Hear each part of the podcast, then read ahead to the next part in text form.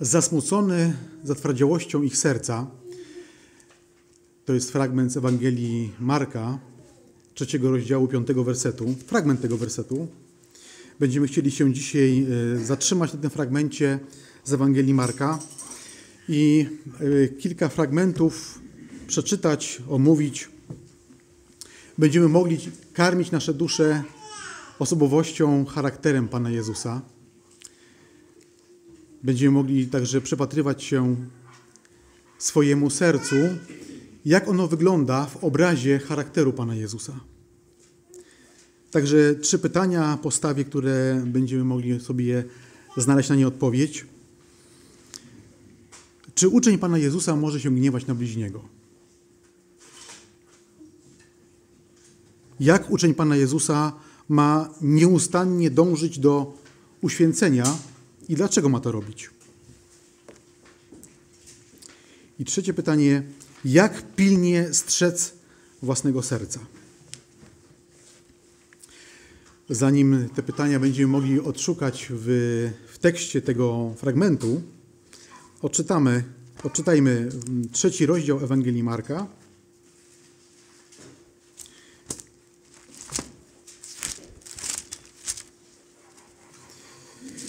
Od pierwszego wersetu do dwunastego będziemy mogli również go śledzić na e, rzutniku. Ja czytam z przekładu Uspółcześnienia Biblii Gdańskiej i też taki przykład będzie na, na wyświetlaczu.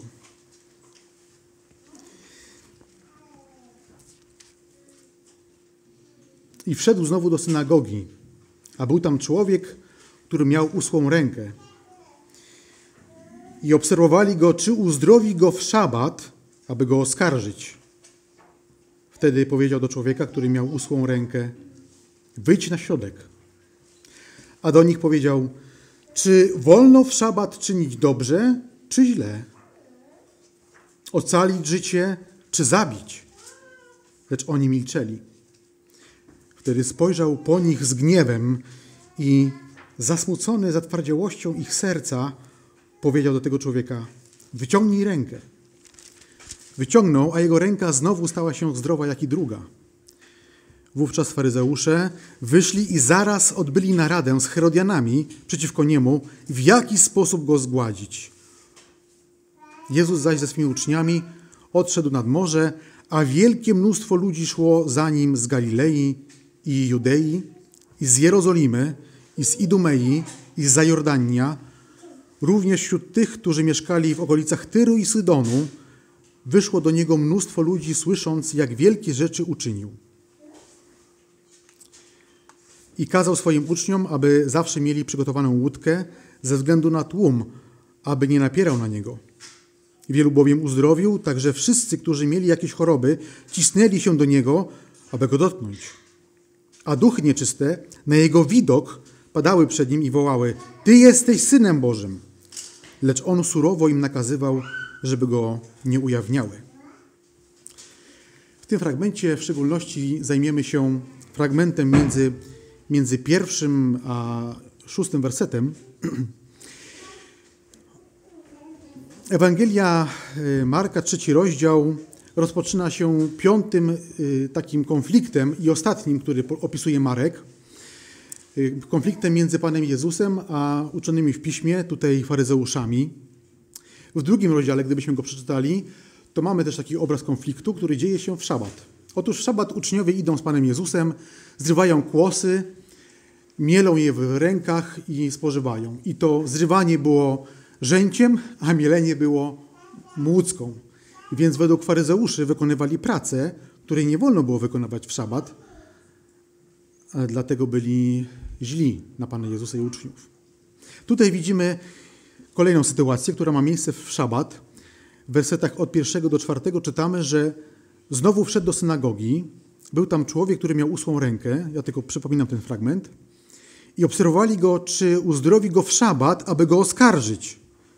Wtedy powiedział do człowieka, który miał usłą rękę, wyjdź na środek, a do nich powiedział, czy wolno w szabat czynić dobrze, czy źle, ocalić życie, czy zabić. Lecz oni milczeli. Pan Jezus stawia tutaj pytania, które, którymi chcę zobrazować uczonym w piśmie, jak powinno wyglądać obchodzenie szabatu. Jak celebrować ten, ten specjalny dzień dla Żydów. Był to dzień wyznaczony przez Boga, Jego wolą i przez Boga pobłogosławiony. Y, poza tym też Pan Jezus pokazuje poprzez uzdrowienie tego człowieka, że ma prawo do szabatu, jest Panem szabatu, a także ma prawo do sprawowania zwierzchności nad każdym człowiekiem. Ale ciekawostką jest to, że rabini nauczali, że w szabat wolno człowiekowi pomóc, jeśli jest ciężko ranny albo umierający. I można jego stan mm, ustabilizować, tak byśmy dzisiaj powiedzieli w języku medycznym, ale nie poprawić.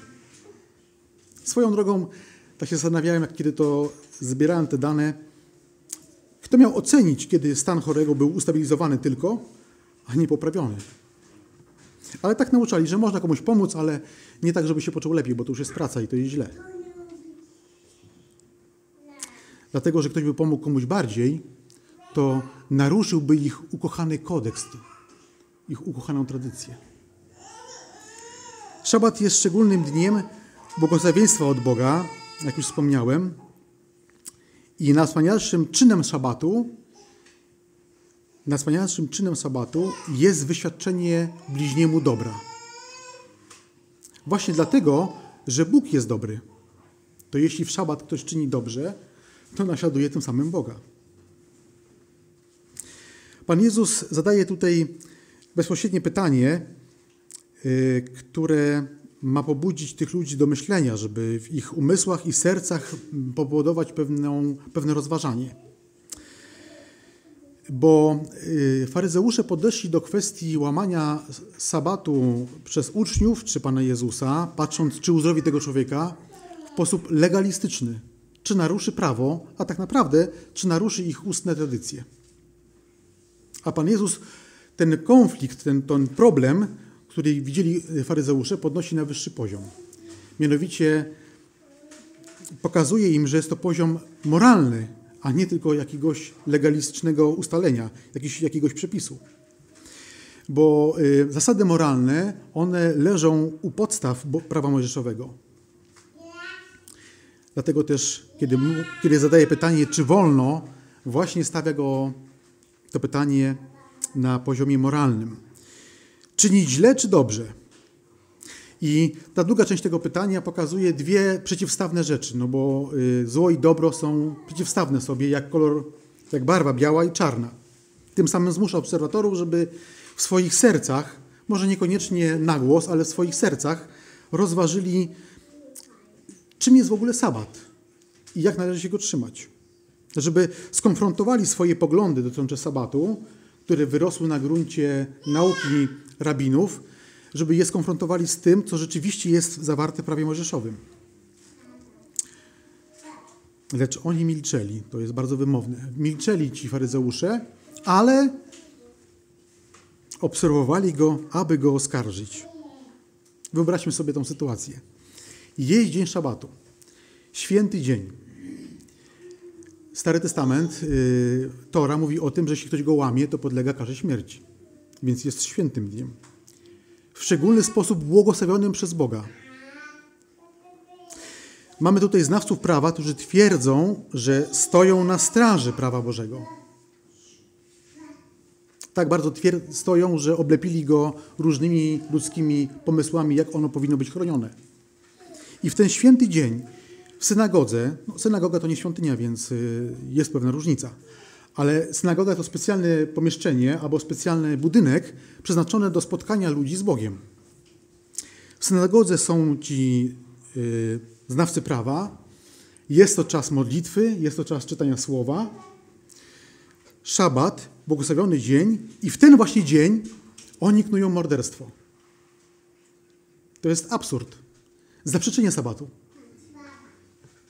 Pan Jezus stara się pokazać, że uzdrowienie tej ręki jest y, czymś pięknym niż to, co jest w ich sercach, a w ich sercach jest niegodziwość. Można powiedzieć, że Pan Jezus mówi do nich coś takiego, co jest w istocie lepsze. Czy lepiej jest uzdrowić cierpiącego człowieka, czy lepiej jest z waszego punktu widzenia knuć morderstwo. Idąc dalej, y, wymownym jest fakt, że Pan Jezus, jak tu czytamy, jest bacznie obserwowany. To ważna uwaga dla uczniów Chrystusa. Uczniowie Chrystusa, którzy oświadczają, i inni to wiedzą, oświadczają czy składają świadectwo, że Pan Jezus jest ich Mesjaszem, też będą nieustannie obserwowani. I w związku z tym mogłoby się zrodzić takie, takie pragnienie, taka chęć, żeby w taki sposób postępować, żeby ludzie, którzy na mnie patrzą, widzieli we mnie chrześcijanina. Założyć jakąś maskę, jakiś garnitur, ładnie wyglądać, jestem chrześcijaninem. Jak przyjdziesz do naszego kościoła, to też tak będziesz wyglądał. Stając się pomału faryzeuszem. Oczywiście dobrze jest, jeśli pamiętamy o tym, że ludzie na nas patrzą, ale niedobrze, jeśli zachowujemy się jak chrześcijanie tylko dlatego, że nas patrzą. To byłoby obłudy, obłudnie. Co wobec tego, co wobec tego zrobić? Y, chodzi o to, żeby nieustannie uświęcać swoje serce, swoje sumienie. Jak uświęcać swoje serce, swoje sumienie? Człowiek, który jest brudny, nie może sam się umyć, potrzebuje mydła i wody, czyli czegoś, co jest z zewnątrz jego samego, no bo jeśli się czymś ubrudził, to co może zrobić? Wytrzeć ręce o siebie, tak? Czyli też jest brudny. Żeby się obmyć z czegoś, potrzebujemy czegoś, co jest niezależne od naszego brudu, więc sami siebie nie uświęcimy, bo już jesteśmy brudni. Potrzebujemy Bożego mydła i Bożej wody, jakim jest Pismo Święte i Duch Święty. Ale żeby, żeby Duch Święty i Pismo Święte działało na nasze serce, nas uświęcało, to potrzebna jest chęć umycia się. Ktoś, kto się ubrudził, to żeby był czysty, to może obok niego lecieć y, strumień wody, może być nad y, kaskadą wody i mieć magazyn mydła, ale jeśli tego nie użyje, jeśli nie będzie chciał się umyć, to nic mu to nie da. Dlatego chrześcijanin powinien najpierw wpierw starać się o to, żeby pragnąć być uświęconym. Sami z siebie też, to, też tego nie osiągniemy, dlatego ważna jest modlitwa, aby prosić Boga o przemianę naszego serca, aby pragnęło być uświęcane. Może być to bolesne, ale to jest droga do Chrystusa, bo nas Zbawiciel jest święty. I wtedy, kiedy to serce będzie uświęcane, sumienie będzie uświęcane, dusza będzie uświęcana, i wtedy zewnętrznie będzie widać to, co zachodzi w naszym wnętrzu. Będzie to widać poprzez moje zachowanie, poprzez moje słowa, będzie to widać poprzez moje zainteresowania, poprzez rozrywkę, poprzez, tego, poprzez to, jak wykorzystuję czas. Oczywiście będą się zdarzały jakieś upadki, uchybienia, ale jeśli serce dalej jest uświęcane, to dostrzeżemy te upadki i uchybienia i będziemy chcieli je no, jakoś z nimi walczyć, jakoś sobie z nimi radzić. Y, werset piąty i szósty, przypomnę tylko, wtedy spojrzał po nich z gniewem i zasmucony zatwardziałością ich serca, powiedział do tego człowieka, wyciągnij rękę. Wyciągnął, a jego ręka znowu stała się zdrowa jak druga. Wówczas faryzeusze wyszli i zaraz odbyli naradę z Herodianami przeciwko niemu i w jaki sposób go zgubić faryzeusze z Herodianami. Zaraz do tego powrócę, chociaż już trochę o tym słyszeliśmy y, z tej kazalnicy. Ale na początek chciałbym się skupić na reakcji Pana Jezusa. Spojrzał na nich z gniewem. Po pierwsze, to, że Pan Jezus spojrzał na nich z gniewem, jest dowodem na to, że Pan Jezus rzeczywiście był i jest człowiekiem, bo podlegał takim samym uczuciom, jak wszyscy inni ludzie, jednakże bez grzechu. A po drugie, to, że spojrzał na nich z gniewem, jest dowodem na to, że rzeczywiście był i jest Bogiem. Ponieważ boska natura Pana Jezusa, przepełniona sprawiedliwością, nie mogła znieść tego, co widział w ich sercach. A w ich sercach było knucie morderstwa, a w ich sercach była nieczułość wobec człowieka, który miał usłą rękę. Ale jak to jest możliwe, żeby gniewać się i nie grzeszyć? Czy to jest w ogóle możliwe, żeby połączyć czy to się w ogóle ze sobą łączy? Tak prześledźmy pokrótce kilka fragmentów y, z Pisma Świętego. To będą tylko i wyłącznie fragmenty z Nowego Testamentu, z racji oszczędności czasu, ale można by tutaj bardzo dużo y, fragmentów przytoczyć. Chodzi tylko o kilka rzeczy, bo chciałem się zaraz do nich odnieść. Tematy, które mówią te fragmenty Pisma Świętego, dotyczą gniewu. 2 Koryntian, 12 rozdział, 12, 20 werset.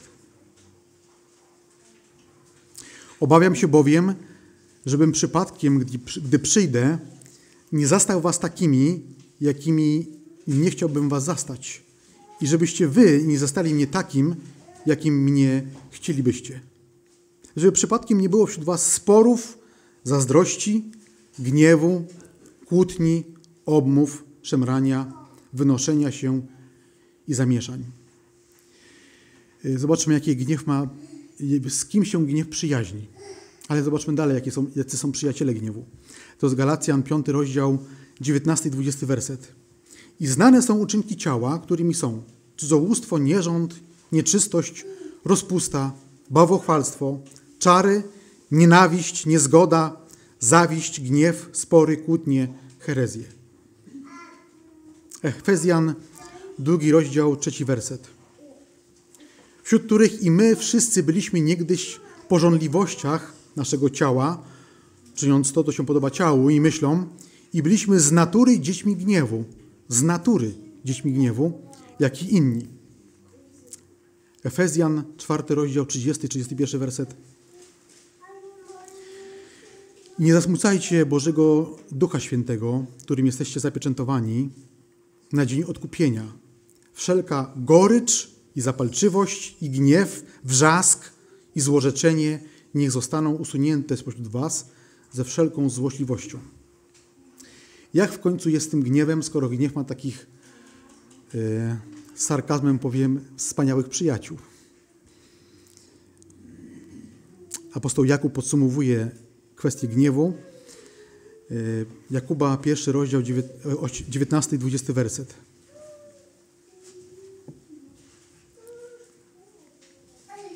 Tak więc, moi umiłowani bracia, niech każdy człowiek będzie skory do słuchania, skory do mówienia, nieskory do mówienia, nieskory do gniewu. Gniew bowiem człowieka nie wykonuje sprawiedliwości Bożej. To ostatnie zdanie. Gniew człowieka nie wykonuje sprawiedliwości Bożej. Jakie są efekty tego, że człowiek się gniewa, a razem z gniewem, jak widzieliśmy wcześniej, towarzyszą mu takie emocje jak gorycz, zapalczywość, złośliwość, złorzeczenie, nienawiść, niezgoda, zawiść, zazdrość, spory, kłótnie, obmowy. Ja to wszystko zebrałem teraz z tych wersetów jedno. Skoro gniew ma takich przyjaciół, to jakie są efekty tego? Dwa fragmenty tych y, efektów gniewu. Dzieje apostolskie, siódmy rozdział, 54 werset. Y, Szczepan daje świadectwo Ewangelii, bardzo szerokie od Mojżesza i wcześniej. Zobaczmy, jak zareagowali inni Żydzi, którzy go słuchali. Jest jedno zdanie. Gdy to usłyszeli, wpadli gniew i zgrzytali na niego zębami. Efektem jego, ich gniewu i zgrzytania zębami było zamordowanie Szczepana. Y, wiemy, że Żydzi nie mieli prawa y, sądzić kogoś w kierunku kary śmierci. To było tylko i wyłącznie do dyspozycji Rzymian. A tutaj nie dość, że złamali ten przepis rzymski, zamordowali go, to jeszcze bez sądu. On nie był w ogóle sądzony. Po prostu go w gniewie zamordowali. 19 rozdział, 28 werset, też dzieje apostolskie. Gdy to usłyszeli, ogarnął ich gniew i zaczęli krzyczeć: Wielka jest Diana Efeska. Przekładzie warszawskim jest Artemida. To chodzi o tą samą boginię, y, albo w tym greckim, albo w rzymskim panteonie bóstw. Wielka jest Artemida Efeska. Cały stadion wypełniony ludzi w Efezie, trzy godziny z powodu gniewu wrzeszczeli, aż ich w końcu y, urzędnicy uspokoili, że to jest y, niedobre i Rzymianie mogą zareagować na tą, na tą wrzawę. Porównajmy te efekty gniewu z tym, jaki gniew był Pana Jezusa, jakie uczucia przyjaźniły się z gniewem Pana Jezusa. To jest piąty werset. Ewangelii Marka, trzeci rozdział. Spojrzał na nich z gniewem i zasmucony zatwardziałością ich serca. Zatem Pan Jezus nie był, y, z jego, jego gniewu nie był związany zawiścią, nienawiścią, goryczą czy złorzeczeniem. Gniew Boży to, wzbudze, to wzburzenie, to oburzenie z powodu grzechu. Tak też było z gniewem Pana Jezusa.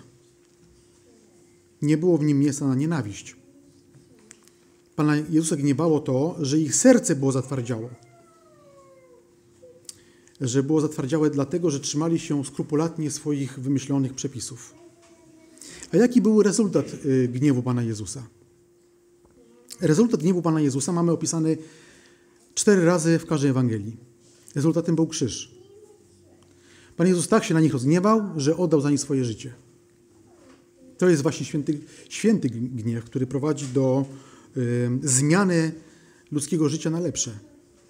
Pan Jezus w swojej męce pozwolił się y, przybić do krzyża, pozwolił się zawiesić, pozwolił, żeby go ludzie obelgami obrzucali, drwili z niego, a w odpowiedzi usłyszeli: Ojcze, wybacz im.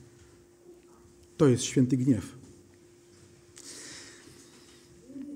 Y, właśnie dlatego gniew Boży, gniew Pana Jezusa można nazwać świętym gniewem, świętym oburzeniem. I jeśli mój gniew ma być święty, to musi zawsze być spowodowany tym, że bliźni łamie przykazania Boże. Jakie powinny być tego następstwa, że to widzę i że bliźni łamie przykazania Boże i co powinno to we mnie powodować? No oczywiście gniew, to jest normalna rzecz. Ale jeśli on się powinien później pobudzać mi do smutku, do żalu nad tym człowiekiem, do współczucia temu człowiekowi, do pomocy bliźniemu, żeby go przyprowadzić do pokuty, żeby przyprowadzić go do Boga, żeby modlić się za niego. To jest gniew Boży. Tak działa gniew święty. Mamy także tutaj w tym wersecie określenie zatwardziałość ich serca. W innym przekładzie y, to słowo zatwardziałość jest oddane na skamieniałość. Uczeni w piśmie, tutaj mówimy o faryzeuszach, doprowadzili swoje serce y, z powodu buntowniczej postawy, zatwardziałości, doprowadzili swoje serce do tego, że ono się zamknęło na Ewangelię. Po prostu byli niezdolni do przyjęcia Ewangelii i uznania tego to Jezusa z Nazaretu. Z Nazaretu czy z Nazaretu może być coś dobrego? Ale nie widzieli w Panu Jezusie swojego Mesjasza, swojego Chrystusa, bo zatwardzili swoje serce. Werset szósty. Wówczas faryzeusze wyszli i zaraz odbyli naradę z Herodianami przeciwko niemu i w jaki sposób go zgładzić. I tu bym chciał dwa słowa o faryzeuszach i Herodianach. E, jak, jeśli byliśmy, część z nas wiem, że była na e, Grodziskiej Szkole Biblijnej w tydzień temu, to brat Sławek wyjaśniał e, różnice między tymi grupami. Różnicy, jak się różnili? Żeby tego nie przeciągać, to powiem, we wszystkim się różnili. Jedyne podobieństwo było w tym, że jedni i drudzy mogli być Żydami, znaczy byli Żydami, tak? Ale wszystko ich różniło. A w tym momencie pogodziła ich nienawiść do Pana Jezusa bo spowodowali, że mieli wspólny cel. Wspólny cel, który był spowodowany nienawiścią. Wspaniała przyjaźń, oparta na nienawiści. Po prostu boska osobowość Pana Jezusa spowodowała, że to, co było w faryzeuszach, wyszło na jaw. Oni wcześniej mogli mieć o sobie bardzo dobre mniemanie.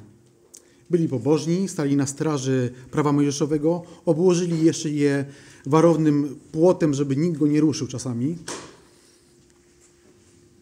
W oczach innych ludzi byli też nienaganni i prawi, ale kiedy pojawił się Pan Jezus, to wyszło to, co było esencją ich serca.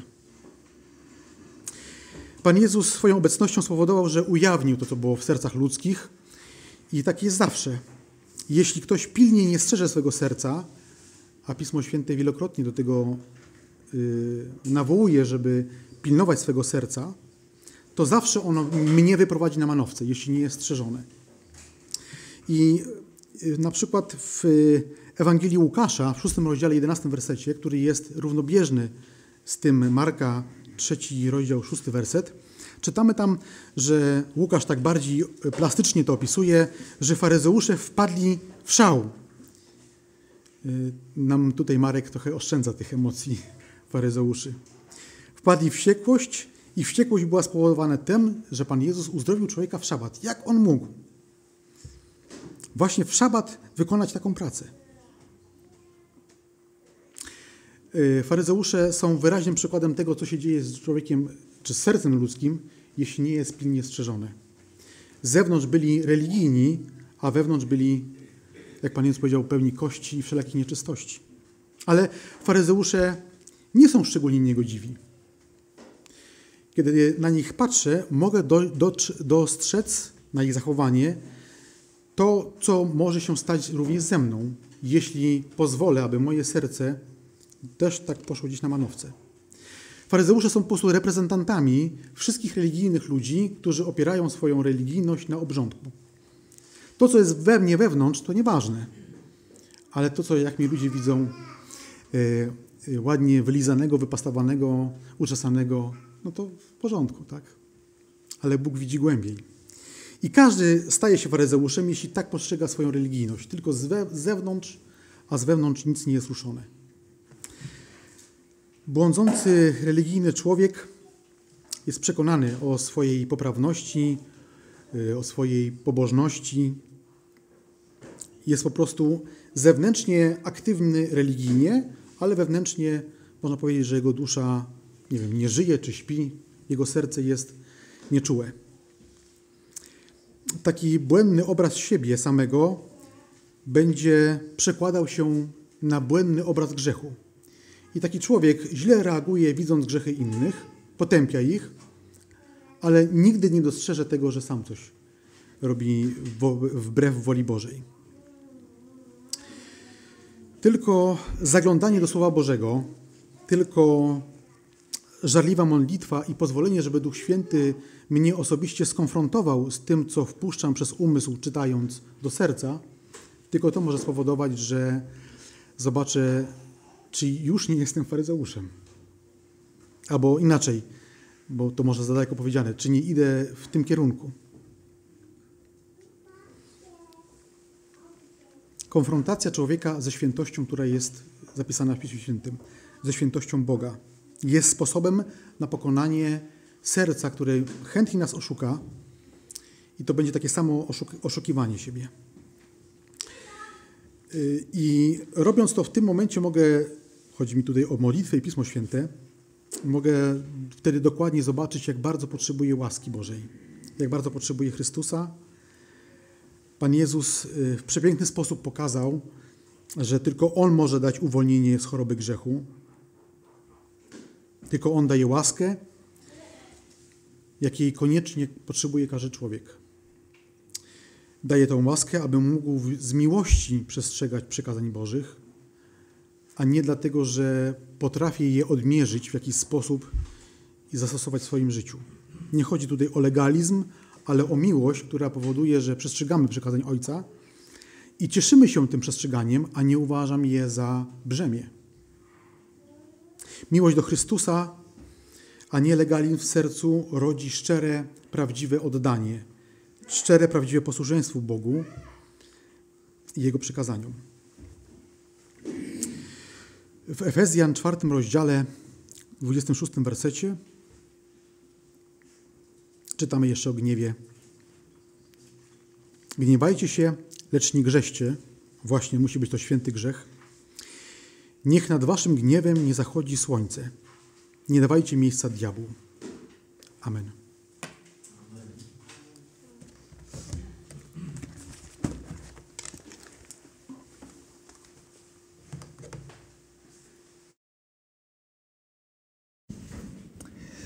Zaśpiewajmy przed wieczerzą, przed pamiątką wieczerzy pieśń ze śpiewnika pielgrzyma 297, Gdy pokój niebieski.